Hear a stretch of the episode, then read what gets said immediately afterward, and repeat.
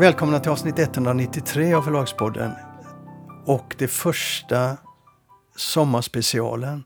Och den är en resa som jag gjorde tillsammans med Henrik Nilsson och några till på Henrik Nilssons förlag. Eller på Nilssons förlag. Bakgrunden till det här reportaget är att Henrik Nilsson ringer mig och säger så här. Du Lasse, jag har köpt en serie böcker, sju stycken. 5300 sidor totalt. Från nederländska. Och jag svarar om du är inte klok. Nej, sa han. Ska du hänga med? Vi åker till Amsterdam. Självklart, sa jag.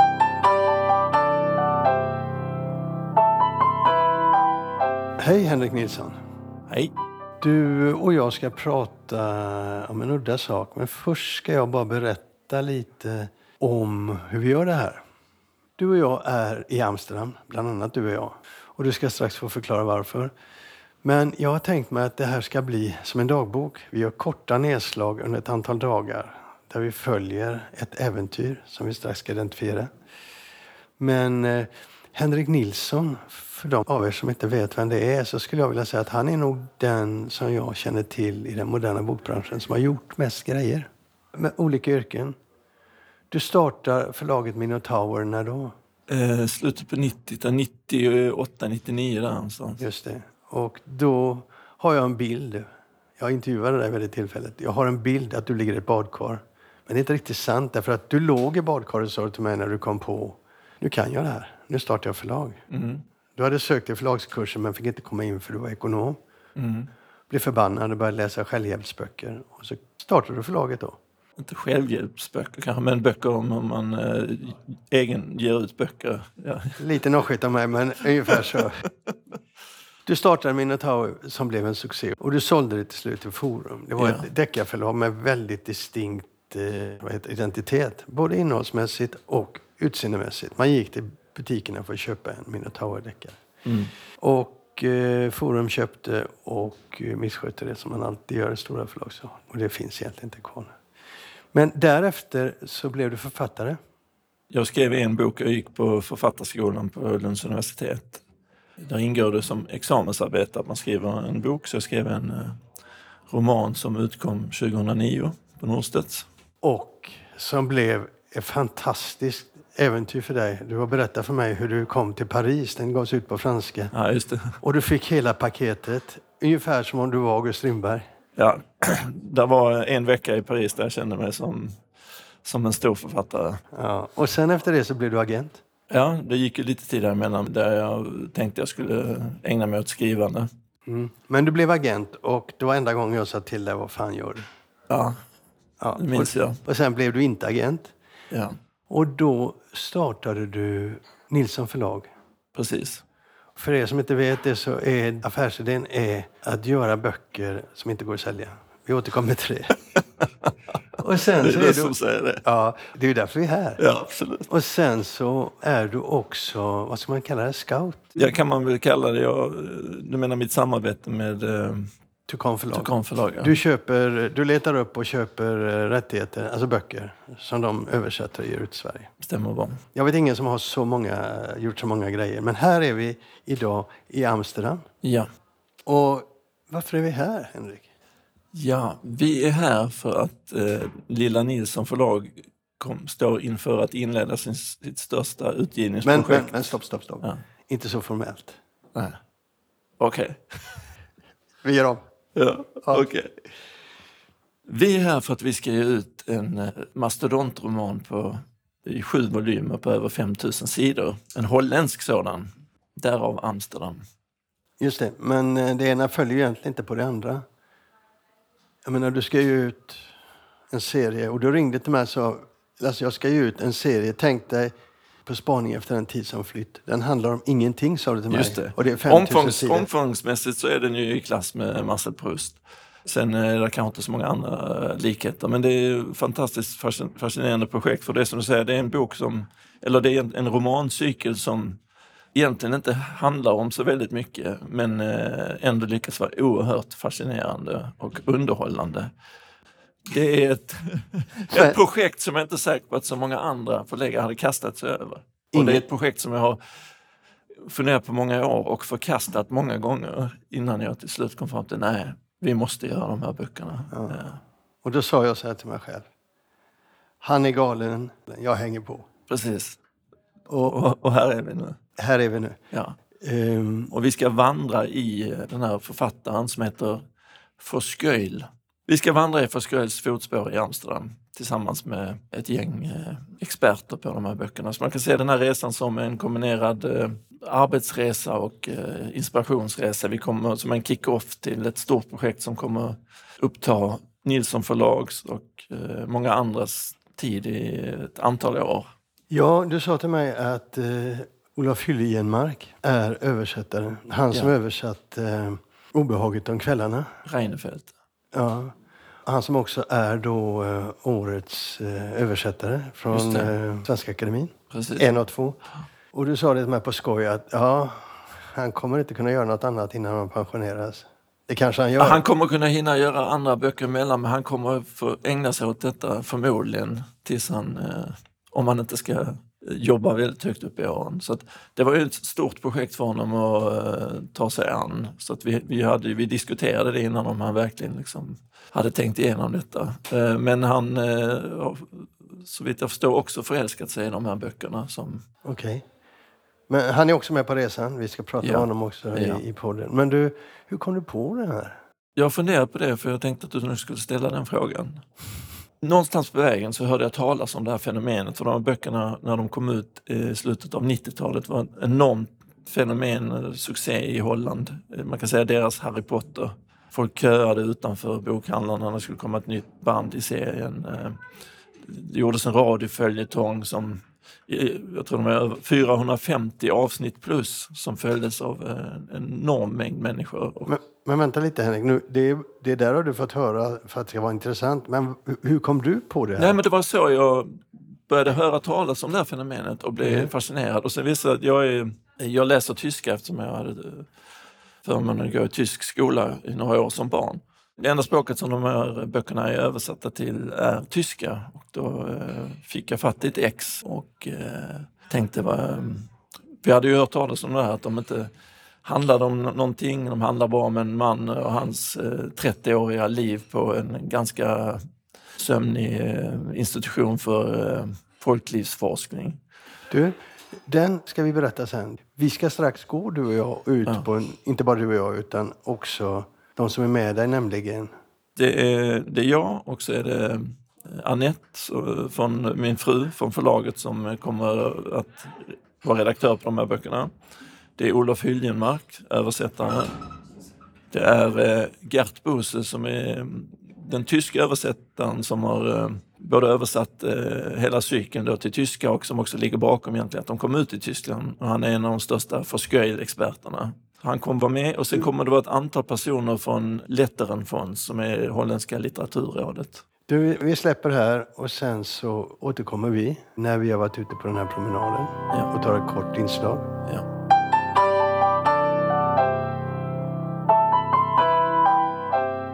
Det är dag två på den här resan. Igår gick vi, Henrik, på eh, en promenad. En lång promenad där vi vandrade i författarens fotspår. Mhm. Hur upplevde du den dagen?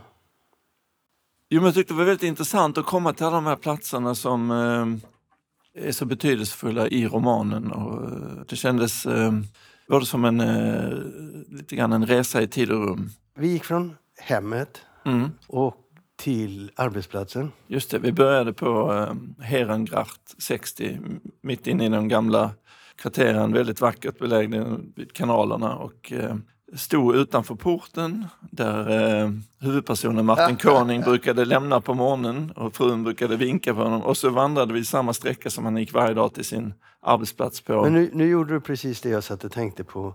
Jag har aldrig varit med om något nördigare i hela mitt liv. Och du exemplifierade det. Ja, För han, eh, Gert då, Ja. den tyska översättaren, ja. det fanns inte en detalj som var för liten för att inte nämnas. Nej, precis.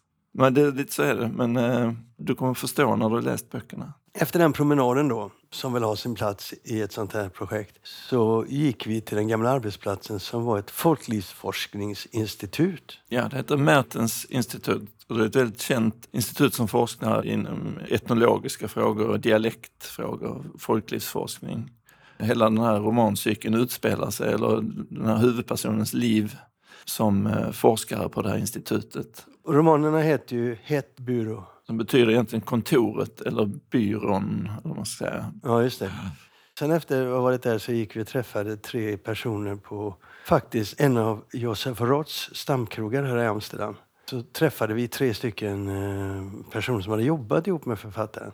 Precis. De kallade karaktärerna som de kallades. Ja, Livslevande romankaraktärer. Som Ja, ja, det var rätt roligt. Men de var ju inte så imponerade av sin gamla arbetsplats. Man förstår ju det nu när de har varit borta från yrkeslivet ett tag att, att det där var en rätt slapp arbetsplats. Det är ju det som man fångar i de här böckerna. Det är en väldigt speciell stämning. Folk ägnar sig väldigt mycket åt att eh, små trivialiteter, konflikter och pinka in revir och småaktigheter kan man säga. Men det råder väl delade meningar. Den man jag pratade mest med, han var väldigt nöjd och glad för sitt arbete på Mertens. Men eh, huvudpersonen i, i de här romanerna, Martin Koning, han är ju väldigt eh, cynisk och eh, inte så jätteimponerad av det de egentligen sysslar med. Det, det är väl lite den det att varje dag gå till ett arbete som man inte känner som väldigt meningsfullt men ändå göra sitt bästa. Det är på något sätt det, är den här universella erfarenheten som jag tror är lite hemligheten med de här böckerna och eh, den humorn och den eh, melankoli som uppstår kring det. Det var lite grejen här. Det här är vad ni som lyssnar skulle kalla för, eh, eller antar jag att ni skulle undra om, är detta en säljpitch? Tyckte du det lät säljande? Nej, du får eh, vässa den. Ja. Ja, men det, att detta kommer vara en... eh, Säljpitchen här kommer vara just den här antipitchen. Liksom. Det, det det här är en bok som jag tror kommer... Meningarna kommer gå så här. Antingen fattar man denna grejen och då är man hooked direkt. Eller så tycker man att det här är... Förstår man ingenting. Du, innan vi går vidare så tänkte jag kanske ska berätta lite vad Henrik Nilsson förlag är för något. Vi, pratade i första delen utav det här inslaget om din bakgrund. Men när du startade Nilsson förlag, Mm. när var det? Vi har snart hållit på i tio år. Jag tror det var 2015 som vi gav ut de första böckerna. Och ni ger ut hur många böcker per år? I snitt? Ja, vi gör, nu, nu har vi dragit ner på tempot så säg att vi gör eh, mellan tre och fem böcker numera. Alltså, inte mycket beroende på hur tjocka de är. Men när vi gjorde som mest böcker låg vi på över tio om året. Du, eh, varför startade du Henrik Nilsson förlag? Jag var ju litterär agent som har nämnts och eh, då träffade jag många eh, utländska förläggare som, eller alltid när man har de här samtalen innan man börjar prata, innan man pitchar grejer så, så är det ju att man pratar om ditten och datten och hur det går. Och då nämner folk ofta gärna eh, sina framgångar och då så var det väldigt många böcker som hade gått väldigt bra runt om och sålts till en farlig massa länder så slutade allt med samma sak. Fast inte Sverige konstigt nog, sa de alltid. Och eh, det var väl symptomatiskt, jag tror att, översättningarna, det har blivit svårare och svårare att eh, sälja översättningar till Sverige. Det är färre och färre förlag som är intresserade. Det är väl mer de små förlagen som har plockat upp den biten också. Och vi är väl ett sådant förlag. Men det var en tanke jag hade då, att, för jag var, eh, trivdes inte jättebra i agentrollen. Så tänkte jag, hade börjat fundera på förlag igen och tänkte att här finns ju både en möjlighet men även att det är viktigt att eh, ett litet land som Sverige, vi måste ha eh, en god mängd och bra översatt litteratur. Men du gjorde det lite svårare för dig. Du bestämde dig för att ingen engelskspråkig litteratur. Nej, men det är ju samma grej där. Alltså, det, det var ju det som, som inte kom till Sverige, men som, som var så bra. Det var det jag ville. Fokusera på. Ja, det är liksom idén. Och sen, så det är det vi gör. Så vi översätter från eh, alla möjliga språk. Eh, väldigt mycket europeiskt har det blivit, men även eh, indonesiskt och, och Mexiko. Ja, Mexiko till exempel. Och sen har vi, man kan säga två linjer, det samtida litteratur och så har vi en klassikerserie som heter Absint. Vad är en storsäljare i Henrik Nilssons förlag? Antal Serb, Resa i månljus har gått fantastiskt bra och fortsätter sälja. Det var den Oppermans, första titeln du gav ut. va? ja faktiskt. Oppermans av eh, Leon Feuchtwanger går väldigt bra, fortsatt. Vi har eh, Eugen Ruge, Den tid då ljuset avtar, som har varit en titel som gått väldigt bra. Mer på senare tid eh, Dörren av Magda Sabo. Men när du talar om väldigt bra, då pratar vi om vadå, några tusen? Sergej Lebedev måste jag nämna också, debutant som vi gav ut nu och eh, Augusti Människor. Ja men det är att vi kanske trycker till inbundet, vi kanske gör 2000 och så kanske trycker till. Vi gör en pocket där vi har fått trycka till. De titlarna som till exempel Serb och, Feuchtwanger, det blir rätt mycket över tid. Men när vi pratar om volymer och så, vad trycker du en grundupplaga i? Ja, men om det är en bok som vi verkligen tror på så trycker vi den i 2000 ex inbundet. Sen gör vi pocket ibland, det gör vi långt ifrån på allt utom de där det är försvarbart eh, och då brukar vi trycka 3000 ex i första. Och det händer att vi trycker till både inbundet och i... Eh, nu jag nämnde debutanter tryckte vi till två gånger i inbundet. Tyvärr var boken slutsåld ganska länge. Men då sålde vi plötsligt bra med e-böcker så det var en ny erfarenhet. Vilka är det som säljer era böcker? De finns ju inte överallt vi är ju representerade i eh, speciellt i oberoende boklådor som är intresserade. Där, där finns våra böcker i, i stor utsträckning. Kanske inte lika mycket på de stora kedjorna. Sen säljer vi ju även eh, en hel del direkt via vår egna hemsida och klart på nätet som alla andra. Jag läste faktiskt på den här holländska utgåvan av eh, Het Bureau. Vi ska träffa det förlaget idag, van Orsot. Jag vet inte om det, om det står i alla deras böcker, men de står att, så står det finns i alla goda bokhandlar står det. Ska du sno det? Ja, jag är lite sugen på den. och, och så nätet då såklart? Ja, så är det ju.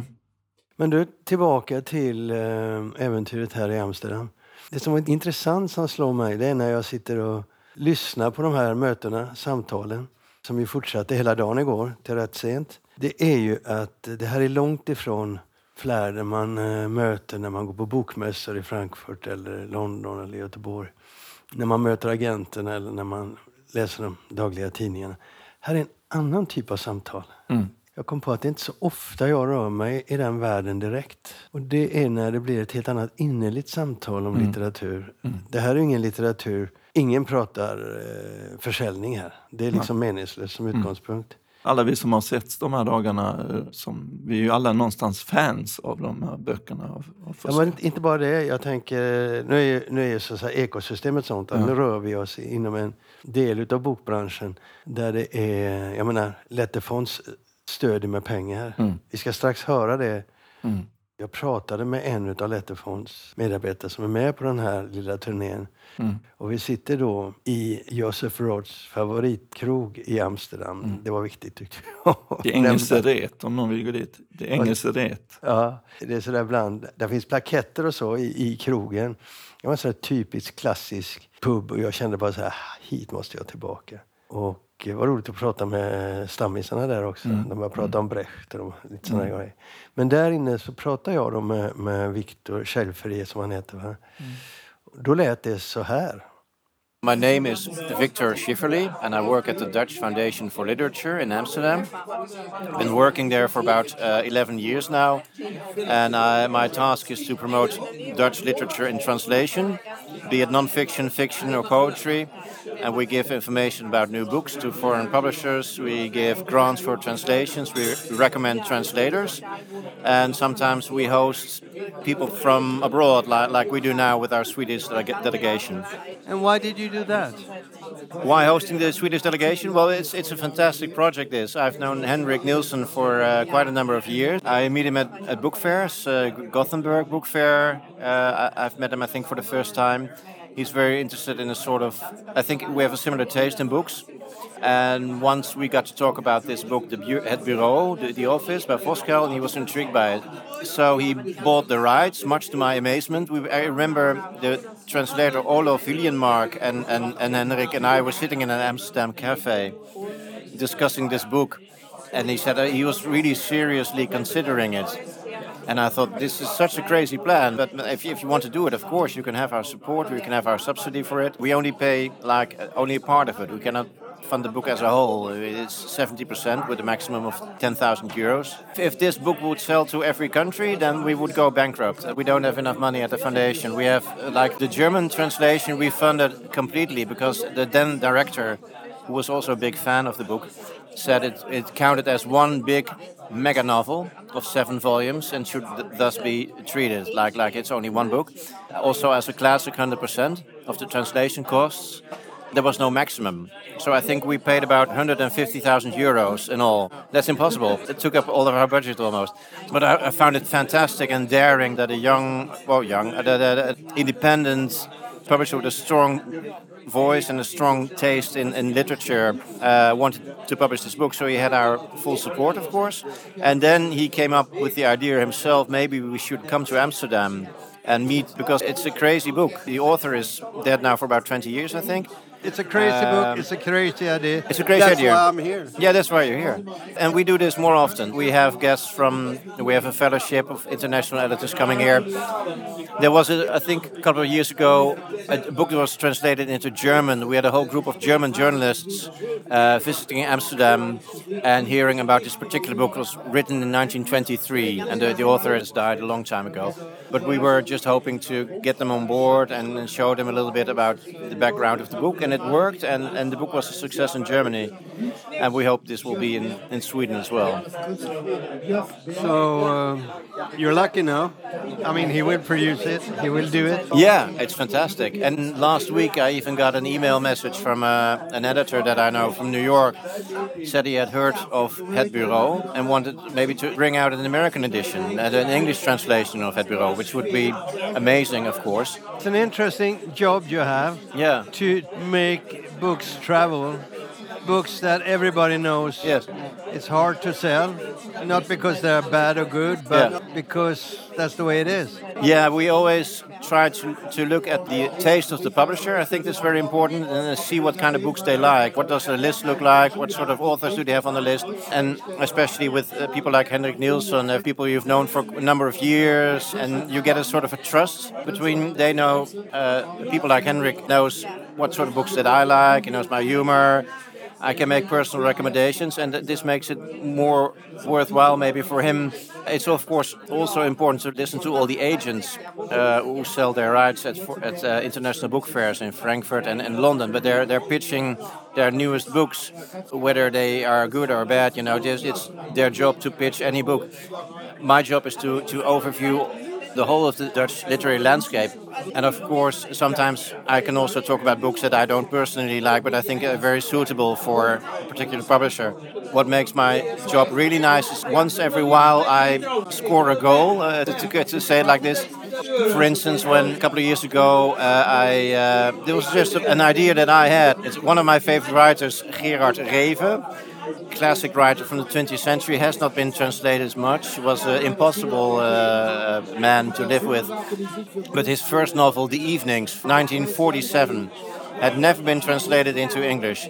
And I was talking to a publisher that I know very well, and he was looking for novels that were written in the late 1940s after the Second World War, a bit of the similar vein as Salinger or books like this. And I thought this is a good way to pitch the book and tell him about my special love for this book. It's a major work in Dutch literature, but it's hardly anybody knew it, you know, in, in other countries, because he himself was so strange and, and difficult with translations, and it was a completely other time. So I gave them. This was written in the late 1940s, and it's. I told them about the book, and luckily I had a complete translation of the book that somebody made. It was not a good translation, but it was enough for him to have a look at. And then he gave to his editor, and the editor said, "Fantastic, and we're going to do it." And it became this overnight success. This completely, uh, this this novel that nobody knew from the Netherlands, and and it also became the pitch like this this novel that has gone untranslated for 70 years now. Suddenly a success in England, also in the U.S amazing reviews, and then rights were also sold to Italy, to uh, to four, five, six, seven other countries uh, on account of the success of the, of the, English edition. And this was fantastic. This makes my uh, job worthwhile. It does. Yeah, yeah. Ja, det var bara några minuter, Henrik, men du var ju där så du vet vad han sa. Men tillbaka till den här känslan av eh, samtal om böcker. Mm. För mig blev, är det mer fokus på vikten av idéer, vikten av att få andra människors berättelser att eh, färdas. Mm. Och det är så uppenbart att här, här är människor som vill ut i världen med sina idéer, som vill ut och möta andra människor. Och det var väl det jag tog med mig, att vi rör oss på en helt annan nivå än jag är van vid Mm. när vi sitter så här. Ja, du nämner mässorna. När man pratar mässor så tänker man väldigt ofta på rättighetsmäss eller rättighetsavdelning. Det är ju någonting helt annat. Det är, där, eh, Ja, nej, men här är något annat som kommer i fokus. absolut, absolut. Och det, det, Det tyckte jag var behållningen av första dagen. Men vi återkommer ju i nästa del av det här eh, reportaget. Ja.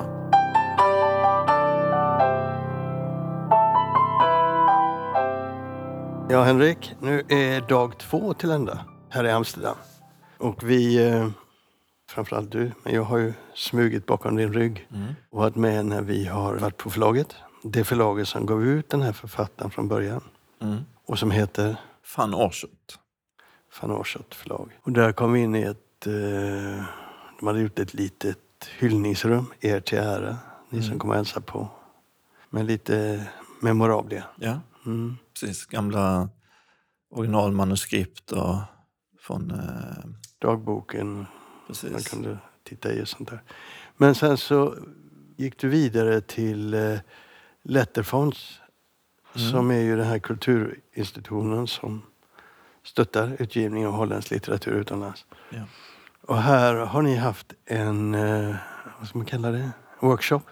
Vi kallar det för workshop, precis. Där vi har en chans att prata igenom eh, frågor som rör eh, översättningen främst tillsammans med eh, den tyska översättaren. Och, eh, Olof Hyljenmark då, Ja. som, främst han som har frågor då hur till exempel, jag var inne en stund och då diskuterade de vad ord betydde. mm, Holländska ord från 50-talet i Mm. en gammal kontext. mm, en äldre man, som, han är inte äldre då, han är yngre men som ändå använder ett helt annat språkbruk än idag och dessutom ska anpassas till mm. svenska. Och det är ju väldigt värdefullt eftersom eh, när man inte har författarna att tillgå. Jo, och då diskuterar de helt enkelt. Vad betyder det här? Vad betyder det på tyska? Gick det att översätta? Gick det inte att översätta? Mm. Vad är det här för något? Vad är det, finns det? Är det ett yrke som finns idag? Sådana saker. Mm. Ja, i den här texten speciellt, för detta är en prosa som är ganska på ytan enkel och rak, så det är detaljerna som gör det. Det är lätt att man kan förlora de här små nyanserna som, ger, som gör texten. Mm. Så att det, Så det har ni haft några timmar på er och nu är det slut. Så nu ska vi, kan man säga att den här resan är slut? ja, detta är väl precis den officiella avslutningen på det här, eh, denna resan och så tar den nästa resa vid som kommer att eh, bli väldigt spännande att se hur, det, hur de här böckerna landar i Mm. Sverige. Efter dessa dagarna så ska du hem och förbereda arbetet på förlaget. För Olof Hyljemark är ju klar till midsommar med del 1. Ja, Och han har två delar som han ska översätta hittills. ja. Och ni räknar med att ge ut den här nästa år någon gång. Ja, någon gång eh, första halvan av nästa år räknar vi göra bok ett och andra boken inom ett år helst. Om det går som planerat efter det. Är du nöjd med den här resan?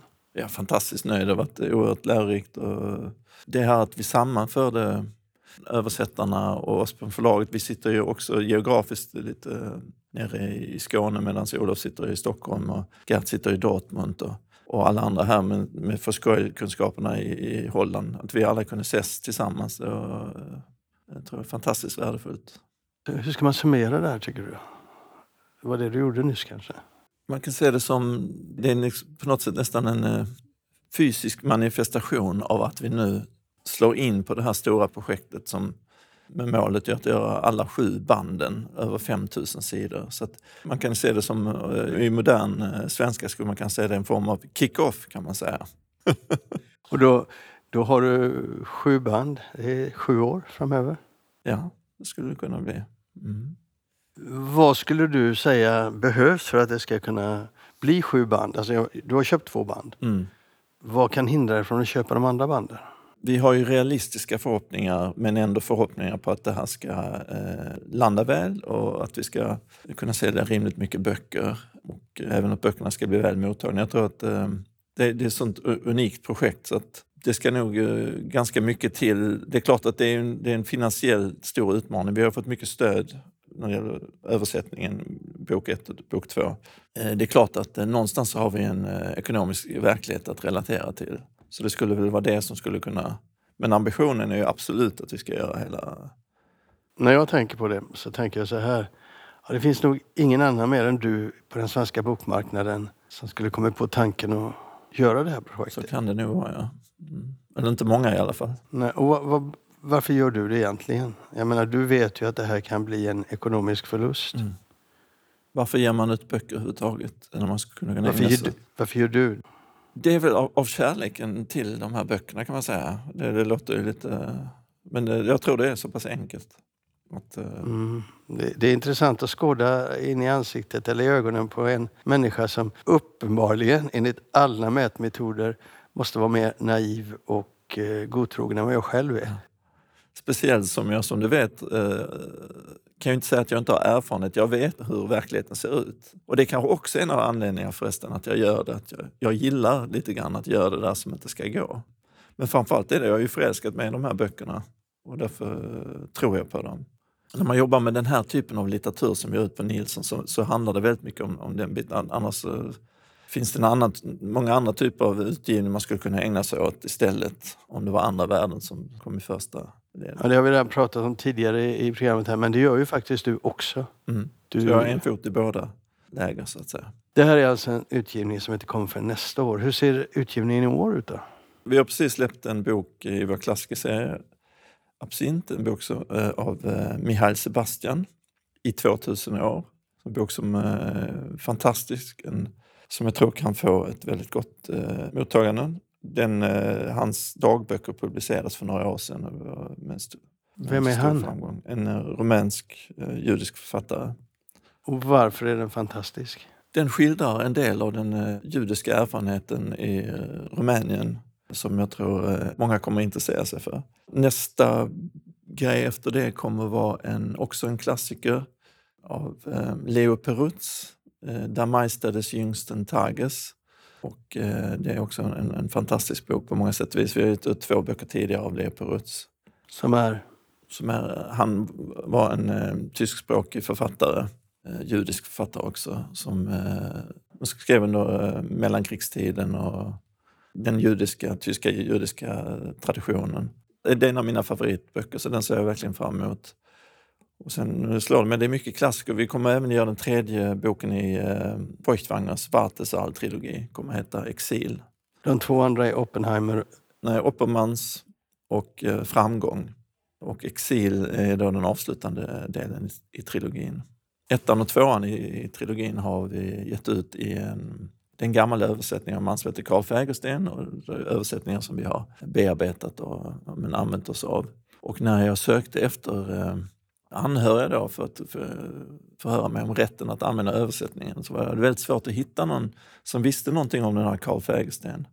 Jag provade alla de vanliga vägarna med Författarfonden och översättarlexikonet. Och sen till slut så fick jag då kontakt med en kvinna som heter Elisabeth Olin som visade sig att eh, hon blev väldigt glad när jag ringde att någon kom ihåg hennes morfar. För när hon var barn så brukade hon sitta under sin morfars skrivbord när han översatte. Men ingen, ingen tycktes minnas honom längre. Hon är själv översättare. Och det ledde också till att hon fick skriva en eh, kortare eh, biografi över sin eh, morfar och eh, som också fördes in i översättarlexikonet. Så när vi bestämde oss för att göra den tredje delen också som in, aldrig blev översatt så fick jag den idén. och tänkte om kanske Elisabeth ville avsluta sin morfars arbete. Även om tyska inte egentligen är det språket hon främst översätter från. Och det valde hon att göra och då avslutade hon det sittandes vid sin morfars gamla skrivbord. Så det är lite fint tycker jag. ja, ditt liv är fullt av sådana Ja, såna scener, förstår jag. ja. Vi ska ta och släppa in här innan vi slutar det här reportaget Mm. från Amsterdam. Ska släppa in eh, Olof Hyljenmark Mm. och höra lite grann hur det är att arbeta med en översättning på de här villkoren och Mm. vad det innebär. Ja, så här låter det i alla fall när jag pratar med Olof. Hej Olof Hy- Hyljenmark. Hej! Du har varit en av dem som har gått i författaren eh, von Sköils fotspår. Nu har vi avslutat de här dagarna. Hur skulle du sammanfatta dem? De har varit oerhört intensiva och givande och i en atmosfär av eh, generositet och eh, glädje. Faktiskt. Vi har ju träffat eh, framförallt Gert Busse som eh, har översatt Foskeil till tyska och som är eh, den store kännaren av Foskeil och Foskeils liv och verk, får man säga. Han är väldigt frikostig med, med sin kunskap och sin tid. Och sina, den tid som jag eh, hi- hittills har ägnat eh, översättning så har, så har jag vetat att det där, skulle, det där kommer jag kunna fråga Gert om. Mm. Du har nästan översatt en, den första volymen av sju. Och du har kontrakt på två. Varför inte längre? Ja, men det är ju det är rimligt. Det är en stor satsning från ett litet förlag, från Nilssons förlag. Och man vet ju aldrig om en bok kommer att sälja eller inte. Det, det visste ju inte ens Norstedts när de gav ut eh, Mikael Niemis eh, uh, populärmusik från Vittula. Han hade, innan dess hade han ju gett ut några böcker. De hade väl sålt till, inte vet jag, 1000 X-Max. Och de tryckte väl en första upplaga på.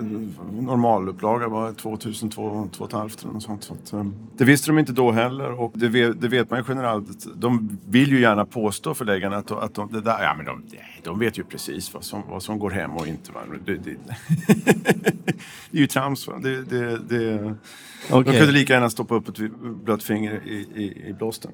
Mm. De här dagarna har jag ju följt och sett hur ni har reagerat. Vilka är dina, dina så att säga, vad tog du med det här? Vad var viktigt för översättningen? Jag har inte hunnit bearbeta allt egentligen.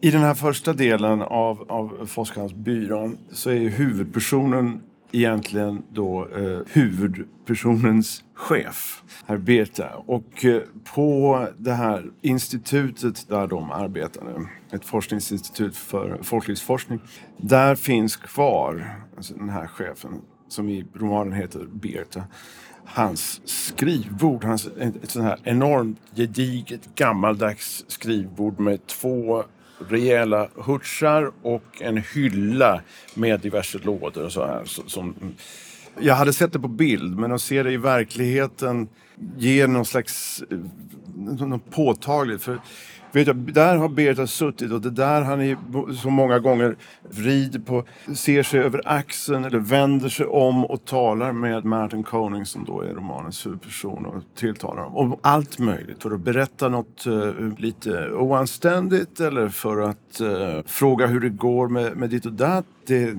ditt och datt är ju verkligen uh, det är ju arbetslivet. Samtalen på arbetsplatsen handlar ju om ditt och datt och det gör det i den här romanen också. Mm.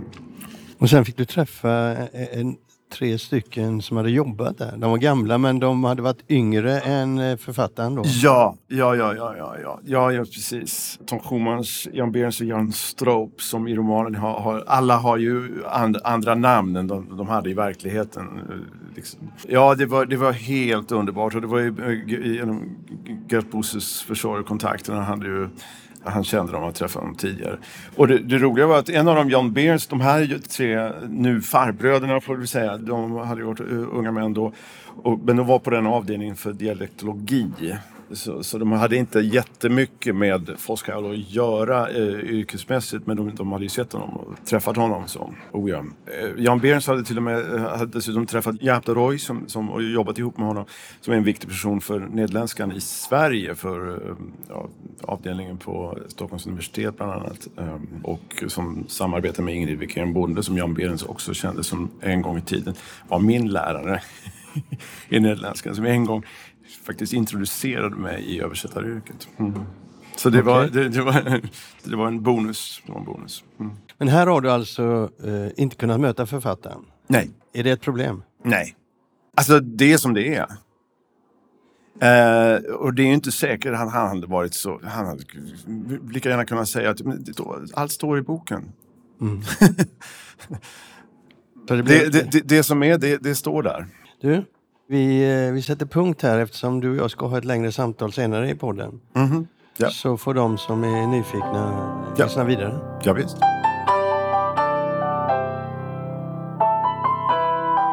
Ja, där har vi nått slutet på hela resan, på hela reportaget. Då finns det bara en sak kvar att göra. Tack Henrik. Tack själv. Tack Lasse. Det var en, eh, det var en lite annorlunda bevakning. Ja, det var jättekul. Men det var roligt. Tack. Och det var allt för avsnitt 193. Vi hörs om en vecka.